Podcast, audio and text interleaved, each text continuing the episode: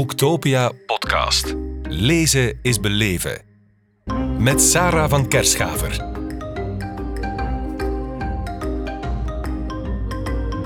Julie Beirens, welkom in onze podcast op Boektopia in Kortrijk. Dank u wel. Dag Julie. Huiden, zo heet je debuutbundel, uitgegeven bij Pelkmans. Ja, Huid, we hebben het allemaal. In het beste geval staan we er niet bij stil. Hoe komt het dat jij als dichter daar bent aan blijven haperen? Um, eigenlijk een soort fascinatie als huid als orgaan dat soms ook een beetje vergeten wordt. We denken altijd aan harten, aan longen en melten en levers. Maar onze huid is wat één orgaan dat, dat aan iedereen wordt blootgesteld, zonder dat we het echt beseffen. Dat is wel waar, ja. En zo is dat fascinatie dat door de jaren wat gegroeid is. Dus je bent echt al langer bezig met het thema? Een jaar of tien, toch? ja. Ik ben altijd aan het schrijven erover. Ik raak het niet echt kwijt. Fantastisch. Um, ja, het is jouw debuutbundel. Um, hoe lang ben je daar al bezig met gedicht, met poëzie? Hoeveel jaar zit er in deze bundel? Laat ons toch zeggen tien jaar. Maar heel veel gedichten hebben natuurlijk de bundel niet gehaald. Mhm. Ik heb een redelijk strenge selectie gemaakt doorheen die tien jaar. En wat was bijvoorbeeld dan het criterium om het te halen? Um, deels zou ik met mijn bundel ook een verhaal vertellen, niet zo de losse gedichten zonder verband erin. Mhm. En ik denk dat dat ook deels tot de selectie heeft geleid. Ja, ja. Je hebt ook een blog, hè? daar schrijf je ook veel op. En, en prachtige foto's trouwens ook, want je bent ook fotograaf. Inderdaad. Ja, je, doet veel. Um, en de titel van de blog is Soldaat van Porselein. Ben jij dat? Ja, toch wel. Um, ik switch wel tussen kracht en kwetsbaarheid. En, en ook kracht is kwetsbaarheid en kwetsbaarheid is kracht. Maar um, ja, zo de tweepoligheid van zowel heel kwetsbaar als heel sterk. En dat wou ik ergens combineren. Ja, dat niet altijd geen of-of verhaal is. Nee, soms voel je soldaat en soms voel je van porselein. Ja, inderdaad. En meestal ergens iets tussenin. Hoe voel je je vandaag? Redelijk soldaat. Ja? Oké, okay. alright. En ook in mijn biotoop natuurlijk. Ah, de boeken. Ja. Heb je al boeken gekocht? Of, uh... Ja.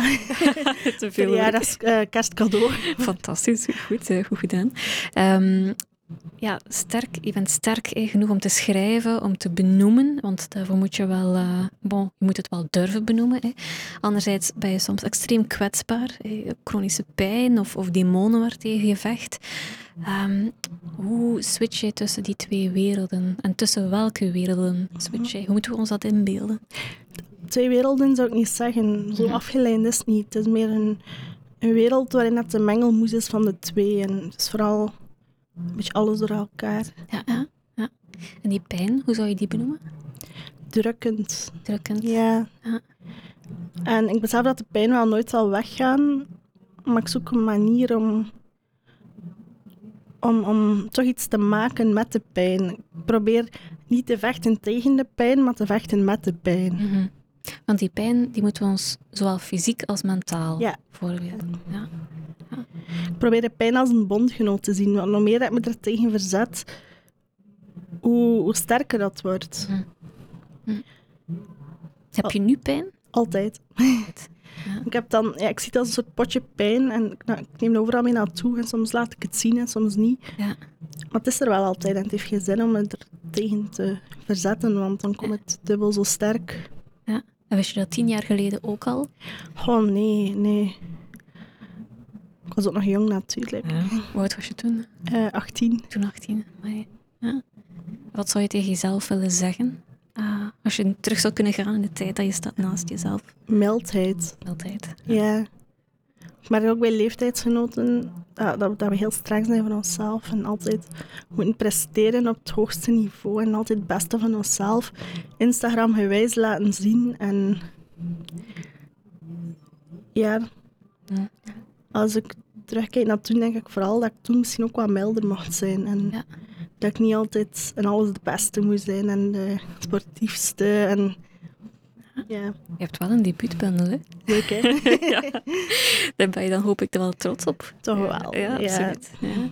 En als je leest, als je je eigen bundel, zeker nu dat die net uit is, herleest en voordraagt, is dat confronterend? Voel je dan eh, passages waarin je je oude zelf tegenkomt? Of ja, hoe moet ik dat zien? Eigenlijk niet. Ehm, ik, heb zo... Ik wou zo niet de, de gedichten over zo het van me afschrijven, wil ik absoluut niet doen. Ik wou meer mijn observaties en de dingen die mij opvallen en dergelijke beschrijven. Maar voor mij is het niet confronteren om het te lezen, omdat ik, omdat ik er geen, geen verwerking of zo van wil maken. Ik wou gewoon ook een keer iets helemaal anders doen. Ja, ja. ja je, je wilde meer mens zijn Ja, via het dichten. Kun je dat uitleggen? Ehm, meer mens en minder patiënt. Ja. Dat ik ondanks mijn kwetsbaarheden toch een soort kracht vind om, om, om er het beste van te maken. Mhm. En om, om hetgeen te doen dat wel lukt. Je draagt de bundel ook op aan je vader. Ja, die Ja. is 12 mei overleden. Ja, dat is heel recent, hè? Ja, heel recent. Ja. Wat betekent jouw vader voor jou? Ik zei altijd dat mijn vader mijn tweede favoriete persoon op aarde was, na Mhm. mijn echtgenoot. En dan zei mijn echtgenoot van nee, ik denk dat hij jouw favoriete persoon op aarde was. En ik kom mijn nummer leven. twee. Ja. En ik kon daarmee leven. Dus ja, een gat. Hè. Ik ben aan het zoeken dat ik hem opvullen en voorlopig is dat taal. Ja. Maar ik blijf zoeken, Ja. Zou hij trots geweest zijn op jou? Zeker. Ja. De bundel is 20 april verschenen. Hij is op 12 mei overleden, zoals ik zei. Ja. Dus hij heeft het net nog kunnen lezen. En hij zei, ik snap er niks van, maar ik vind het wel mooi. Dat is, klinkt als iets wat ouders zeggen. Ja. Ja, nee, mooi. Ehm, ja, ik voel me vreemd in deze huid. Dichtje op een bepaald moment. Ehm, is er een huid die voor jou goed en wel vertrouwd voelt? Ik probeer steeds meer de vrede te nemen met mijn eigen huid. En wie dat ik zelf ben en waarvoor ik sta. Mhm. Tot een bepaalde leeftijd wou ik heel hard, ja, wat ik net zei, in een soort plaatje passen. En ik merk nu dat dat mij niet lukt. En misschien ook wel niemand lukt. Mhm. En zo voel ik me niet echt... ik schrijf ook niet echt autobiografisch, want ik voel me niet echt vreemd in mijn huid, maar Mhm. we schrijven meer momentopnames.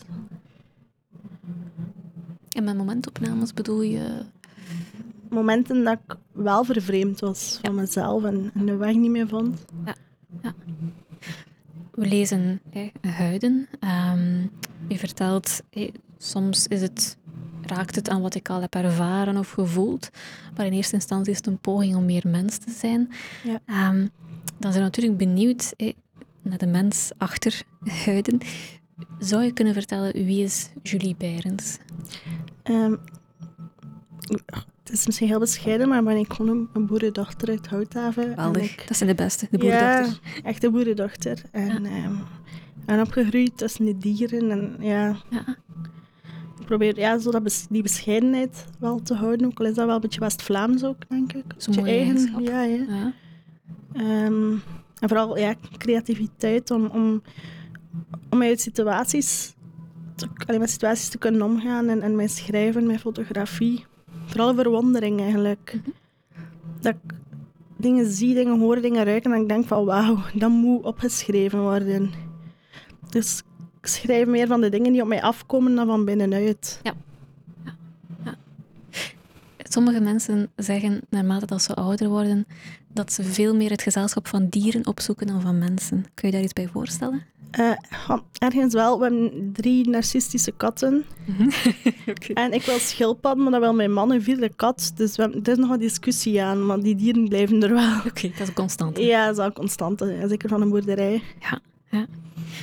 Zou ik jou mogen vragen om misschien een paar gedichten te lezen? Oké, Dankjewel. oké. De damp deint van het lichaam. En ik smacht, ik smacht, ik hunker als geelzucht naar een overbelaste lever om in te nestelen. Onze tanden ontrafelen de structuur van het, van woord. Ik zag de drift in onze aderen getekend, hoe wij als wolven onze honger stillen.